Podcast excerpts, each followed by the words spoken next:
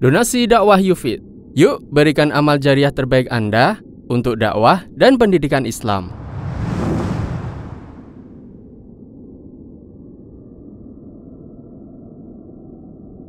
Bismillahirrahmanirrahim. Assalamualaikum warahmatullahi wabarakatuh. Alhamdulillah wa kafa wassalatu wassalamu ala rasulih al-mustafa وعلى آله وصحبه ومن اكتفى أما بعد Kita panjatkan puja dan syukur kehadirat Allah Tabaraka wa Ta'ala Pada kesempatan malam yang berbahagia kali ini Kita masih kembali diberi kekuatan, kesehatan, hidayah serta taufik dari Allah Jalla wa Ala Sehingga kita bisa kembali menghadiri pengajian rutin untuk membahas adab dan akhlak di dalam Islam di Masjid Jenderal Besar Sudirman Purwokerto ini kita berharap semoga Allah Subhanahu wa taala berkenan untuk melimpahkan kepada kita semuanya ilmu yang bermanfaat sehingga bisa kita amalkan sebagai bekal untuk menghadap kepada Allah Jalla wa ala. Amin. Salam dan salam semoga senantiasa tercurahkan kepada junjungan kita Nabi besar Muhammad sallallahu alaihi wasallam kepada keluarganya, sahabatnya dan umatnya yang setia mengikuti tuntunannya hingga di akhir nanti. Para hadirin dan hadirat sekalian yang kami hormati dan juga segenap pendengar radio Fika Insani 88.8 FM di Purbalingga, Purwokerto, Banjarnegara, Cilacap, Wonosobo, Kebumen dan sekitarnya dan juga para pemirsa Yufi TV dan Surau TV yang semoga senantiasa dirahmati oleh Allah Azza wa Jal. Pada pertemuan kali ini kita akan melanjutkan pembahasan tentang hadis yang sudah kita bahas sebelumnya yaitu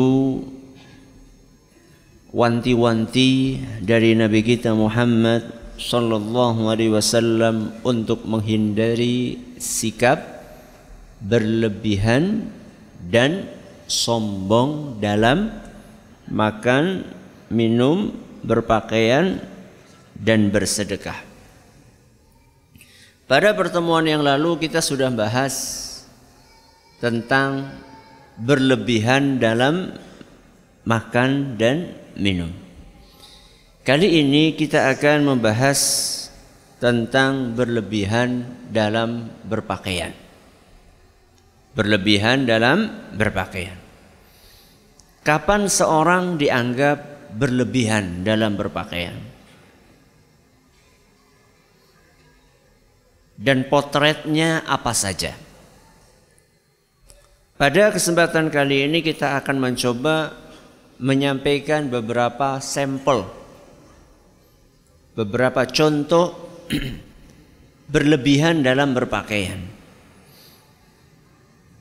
Saya akan bawakan tiga potret contoh berlebihan dalam berpakaian.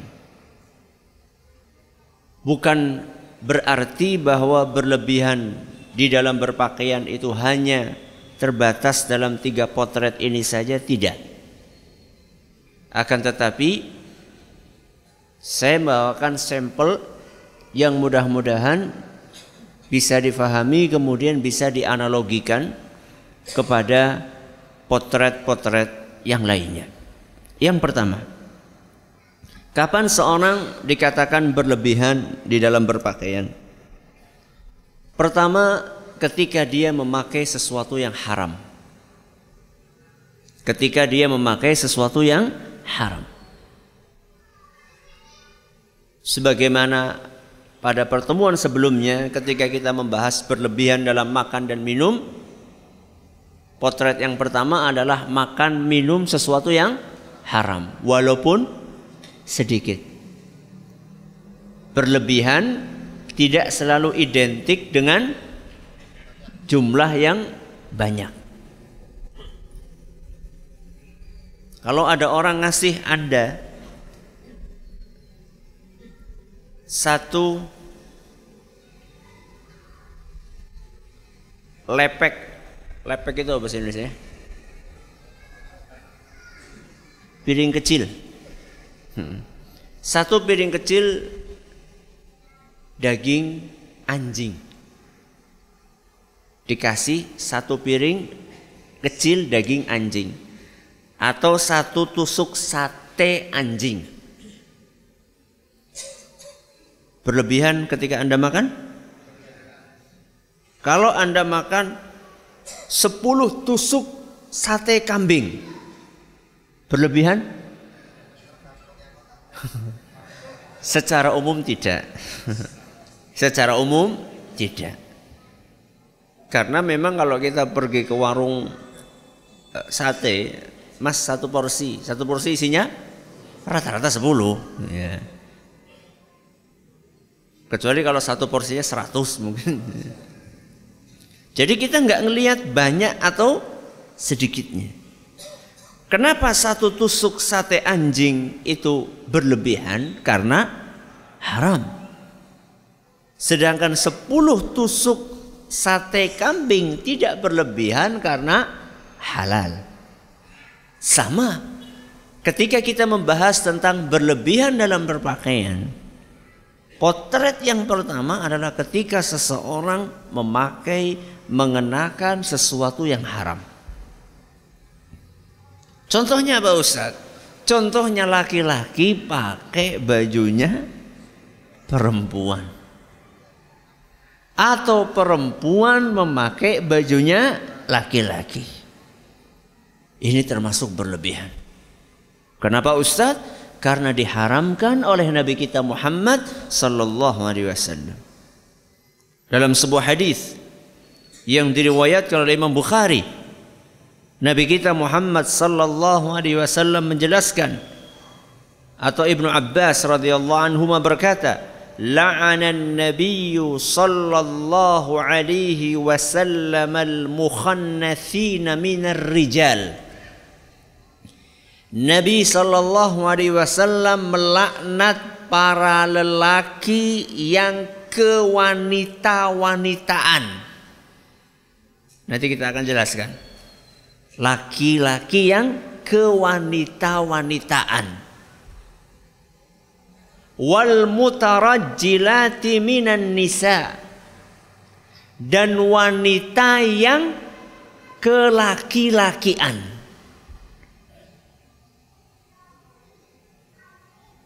Yang pertama apa tadi?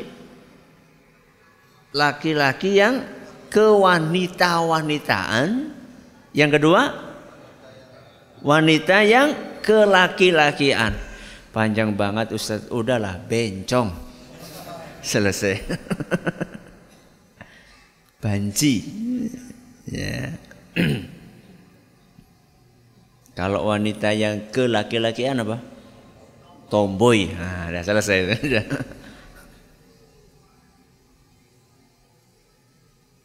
Di dalam riwayat lain di Sahih Bukhari juga Nabi sallallahu alaihi wasallam memperjelas hadis tadi la'ana Rasulullah sallallahu alaihi wasallam al-mutasyabbihina minar rijali bin nisa Nabi sallallahu alaihi wasallam melaknat para laki-laki yang menyerupai wanita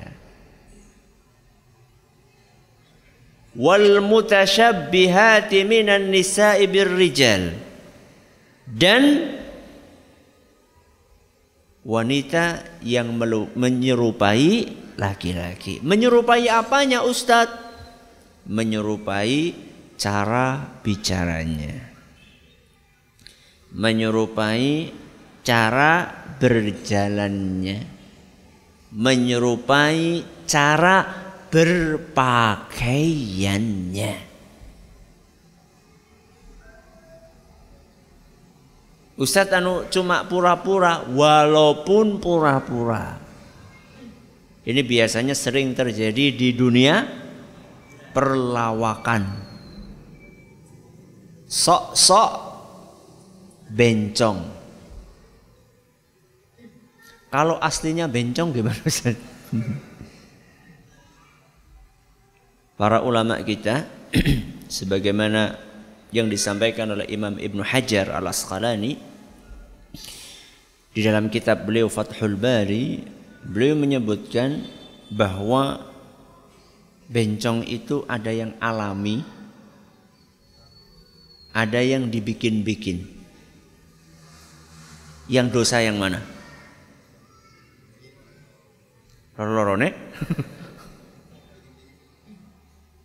yang alami kata beliau aslinya tidak berdosa yang penting dia berusaha untuk merubah. Ada apa? Ada upaya. Walaupun mungkin butuh waktu dan butuh proses serta butuh tahapan. Ada sebagian orang subhanallah ya memang bawaannya laki-laki tapi ngomongnya lembut gitu kayak wanita. Kalau berjalan lemah gemulai. Kulitnya ya halusnya halus kayak wanita gitu loh. Ada sebagian laki-laki emang bawaan gawan bayi seperti itu. Sebaliknya ada laki-laki ada wanita yang lahir dalam keadaan berotot kekar. Itu bagaimana? Berotot kekar, kekar dari lahir gimana? Tapi kalau misalnya dia berupaya untuk mewanitakan dia yang wanita dan melaki-lakikan dia yang laki-laki, berusaha untuk mengembalikan kepada umumnya laki-laki perilakunya bagaimana, maka tidak berdosa. Yang bermasalah itu kalau dia merasa enjoy, senang,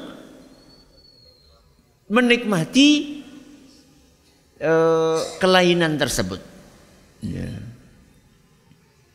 Itu yang asli, yang alami. Nah, yang lebih bermasalah adalah yang sudah ototnya kekar pakai rok. Nah, itu bermasalah itu. Ya. Termasuk berpakaiannya. Ya.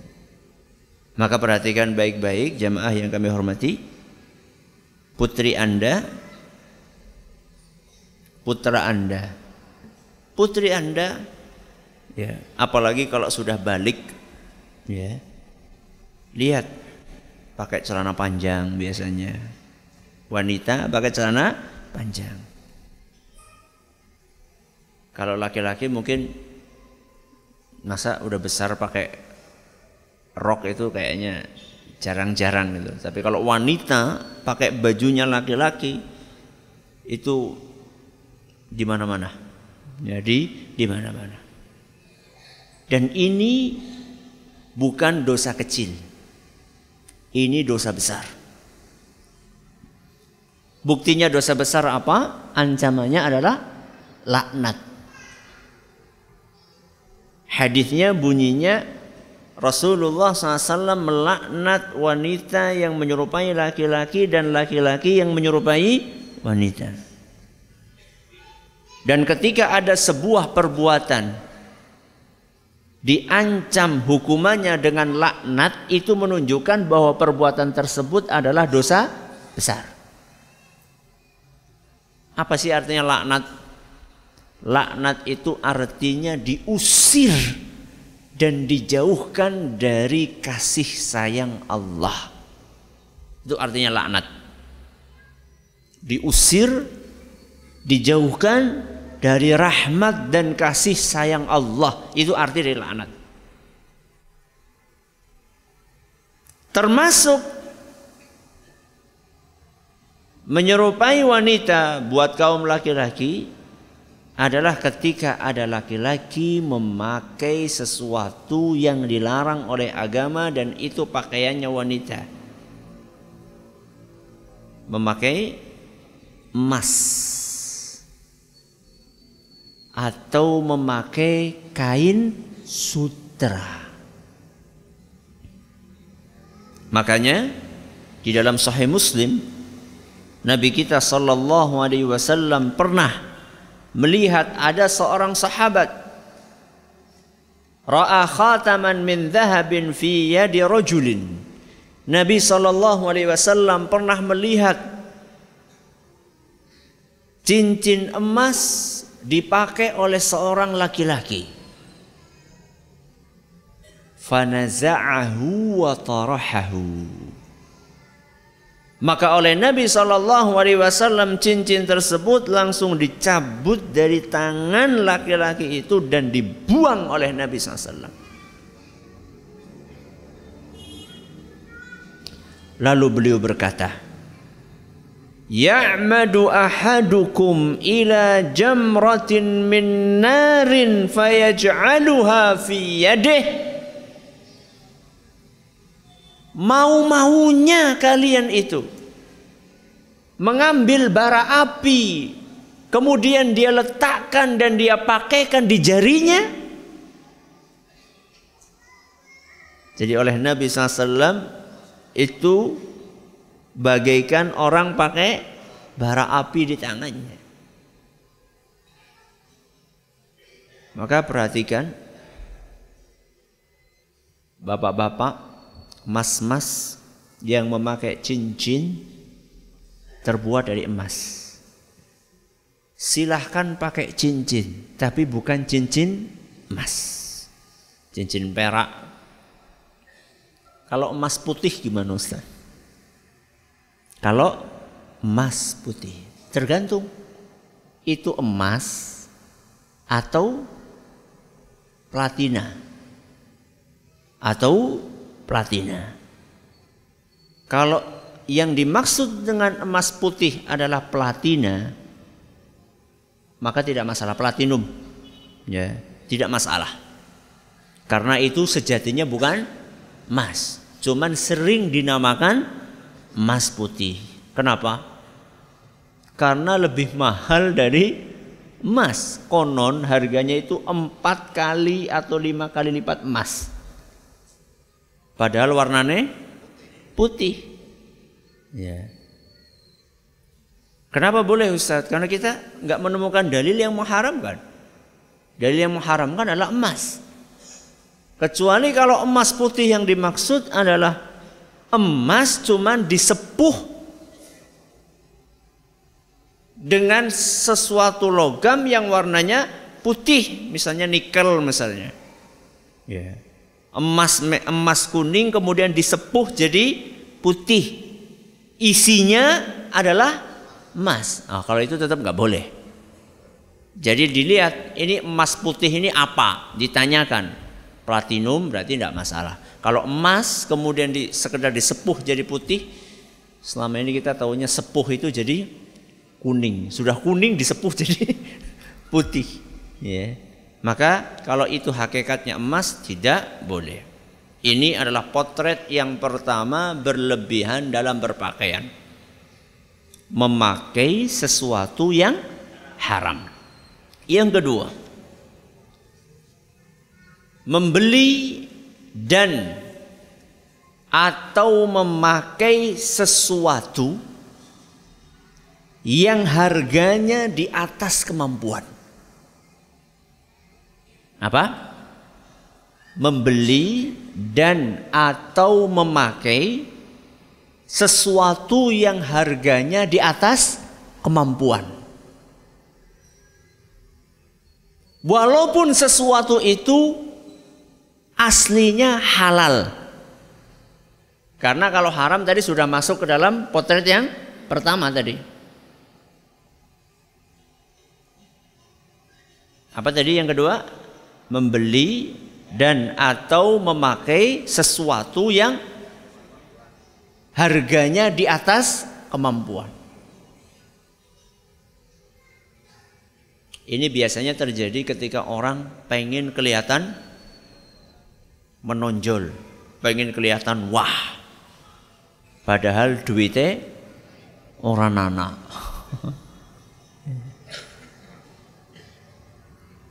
Contohnya apa Ustaz? Contohnya ada orang pengen beli baju. Harganya satu juta. Sedangkan gaji dia ya satu juta. Berarti begitu gajian langsung habis. Padahal dia punya anak punya istri. Ini di luar kemampuan dan ini termasuk berlebihan. Kalau yang gajinya 100 juta gimana Ustaz? Berlebihan enggak? Berarti berlebihan buat si A, tidak berlebihan buat si B. Begitu? Begitu atau tidak? Iya atau tidak? Iya. Karena berlebihan itu relatif. Sesuatu yang berlebihan menurut orang A, si A belum tentu berlebihan menurut si B karena kemampuan si A dengan kemampuan si B itu ber, berbeda.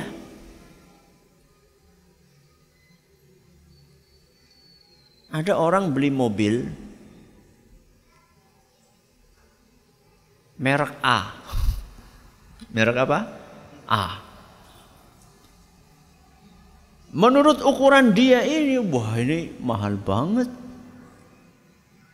Tapi menurut ukuran orang yang kaya raya, wah kita anu mobil gue pembantu ki.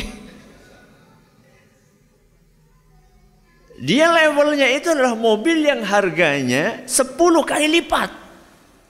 Katakanlah ada mobil harganya 180 juta. Menurut orang kaya, 100, mobilku harganya semono. Yo belinya ya yang 1 M gitu ya. Nah, yang 180 juta ini menurut orang miskin ini sudah wah. Bahkan untuk beli mobil tersebut harus nabung jangan nanti tua.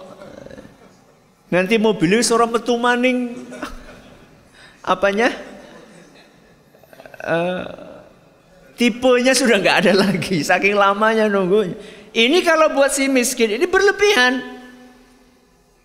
Wong dia itu beli motor saja nyicil. Ya. Dan perhatikan ya. Kita harus tahu kemampuan kita masing-masing dan kita jangan ukur orang lain seperti apa yang kita mampui. Ya. Sehingga ketika misalnya kita duduk ngaji kayak gini, kemudian kita tengok samping kita, arlojinya, boh, berlebihan itu, hubud dunia itu.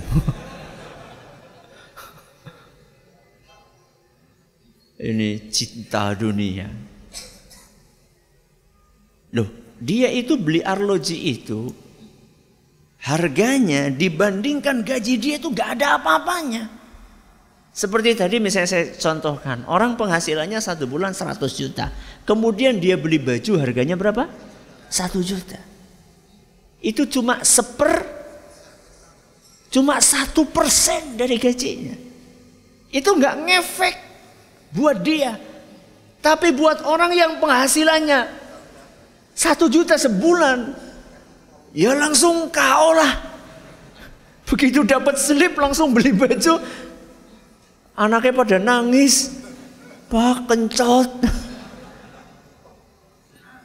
Nah, pangan kayak kelambine. Relatif. Apa? Relatif. Ustad, satu juta itu baju apa tuh Ustad? Saya juga nggak tahu itu baju satu juta. Saya cuma kasih sampel begitu aja gitu. Tapi Anda akan temukan kalau masuk ke butik-butik. Anda akan temukan bahkan jauh di atas itu. Ya.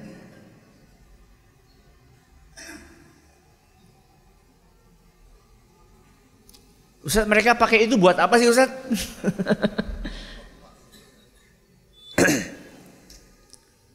Orang suatu saat dia memang butuh baju yang mungkin ya istimewa lah. Katakanlah seperti pejabat misalnya.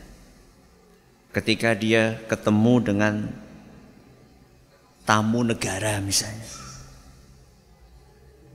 Gimana tamu negara? Masa pakai ditemui pakai baju yang sudah teritipen ireng-ireng ini ya ora pantas tau. Ya. Karena pejabat tadi dia representasi dari negara. Sehingga orang itu akan melihat, oh ternyata negara ini cuma segitu kemampuannya. Nabi kita Muhammad Sallallahu Alaihi Wasallam ternyata beliau itu punya baju-baju yang spesial, maksudnya yang bagus, yang biasa beliau gunakan ketika beliau menemui tamu-tamu kenegaraan. Delegasi dari mana, delegasi dari mana. Beliau punya baju khusus untuk digunakan menemui tamu-tamu tersebut. Sehingga tidak salah ketika Anda punya sepatu yang kalau di apa namanya? disemir akan mengkilat yang Anda gunakan untuk menemui tamu, relasi bisnis atau menemui sesama pengusaha akan melakukan sebuah transaksi tidak masalah. Masa mau nemu relasi bisnis nggak usah dari jepit selain maning. Ya. Di dalam Sahih Muslim, mukaddimah Sahih Muslim, Aisyah radhiyallahu anha berkata, Amarana Rasulullah sallallahu alaihi wasallam an nunazzilan nasa manazilahum kami kata Aisyah radhiyallahu anha disuruh oleh Nabi sallallahu alaihi wasallam untuk memposisikan orang lain sesuai dengan kedudukannya. Apa? Kami disuruh oleh Nabi SAW untuk memposisikan orang lain sesuai dengan kedudukannya. Ulama diposisikan sebagai ulama. Pejabat diposisikan sebagai pejabat. Jadi ketika kita menemui seorang pejabat dengan pakaian yang pantas, dengan pakaian yang bagus, itu tidak masuk kategori wah ini menjilat ini. Enggak. Memang kedudukannya perlu ditemui dengan cara seperti itu. Ketika kita berbicara dengan seorang ulama, tentu bahasanya harus yang sopan. Ya. Ini ajaran Islam. Ajaran Islam. Wah, berarti kalau relatif kayak gitu orang kaya bisa membeli sebebas-bebasnya. Oh tidak, bukan seperti itu maksudnya. Ya. Tidak seperti itu maksudnya. Karena potret yang ketiga, ini tadi yang keberapa? Kedua. Coba yang kedua diulang. Membeli dan atau memakai sesuatu yang harganya di atas kemampuan. Potret yang ketiga adalah membeli dan atau memakai sesuatu di luar kebutuhan. Apa? Membeli dan atau memakai sesuatu di luar kebutuhan, di luar keperluan. Gak perlu tapi beli dan pakai. Ada sebagian orang beli baju baru tiap hari bisa. Ada sebagian orang beli baju baru hanya ketika Idul Fitri. Ini orang yang pertama beli baju baru setiap hari. Tabungannya nggak akan habis. Tapi apa perlu Yeah. Ustadz dipakai sekali sudah berubah warnanya. Loh, yurah loh. Yeah. Lebay. Kira-kira warna mulai pudar itu setelah berapa kali dipakai? Setahun? Masya Allah. Iyalah setahun. ya. Kalau memang sudah perlu ganti-ganti.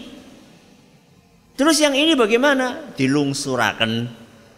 Diberikan kepada orang lain yang orang lain itu merasa, wah Ini bagus banget buat kelas dia. Tapi buat kelas orang kaya tadi sudah tidak perlu. Maka dia ganti tidak masalah. Tapi kalau misalnya tiap hari beli, tiap hari beli, tiap hari beli. Walaupun dia mampu. Akan tetapi itu sudah di luar kebutuhan. Jangan kaget kalau ada seorang istri presiden punya koleksi sepatu 3000 pasang.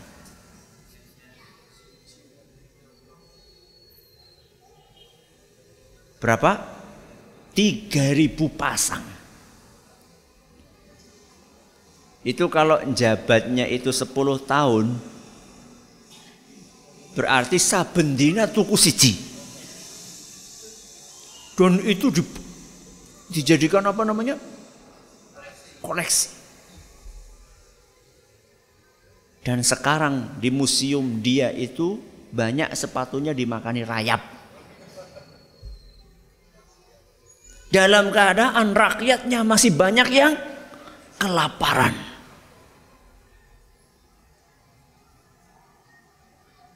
Kalau ini jelas-jelas ber, berlebihan. Coba bayangkan 3000 pasang. Golek nganggo kapan?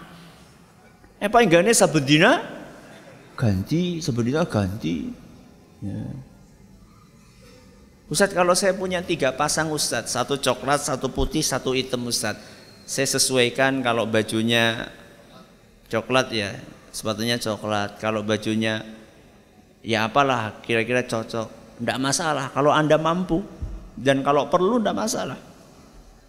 Ustaz kalau saya punya sepatu olahraga, sepatu buat kantor, sepatu buat santai, boleh nggak Ustaz? Ya boleh, kalau memang diperlukan dan Anda mampu. Masa enggaknya ke kantor pakai sepatu bola? Dengan alasan apa? Tidak berlebihan.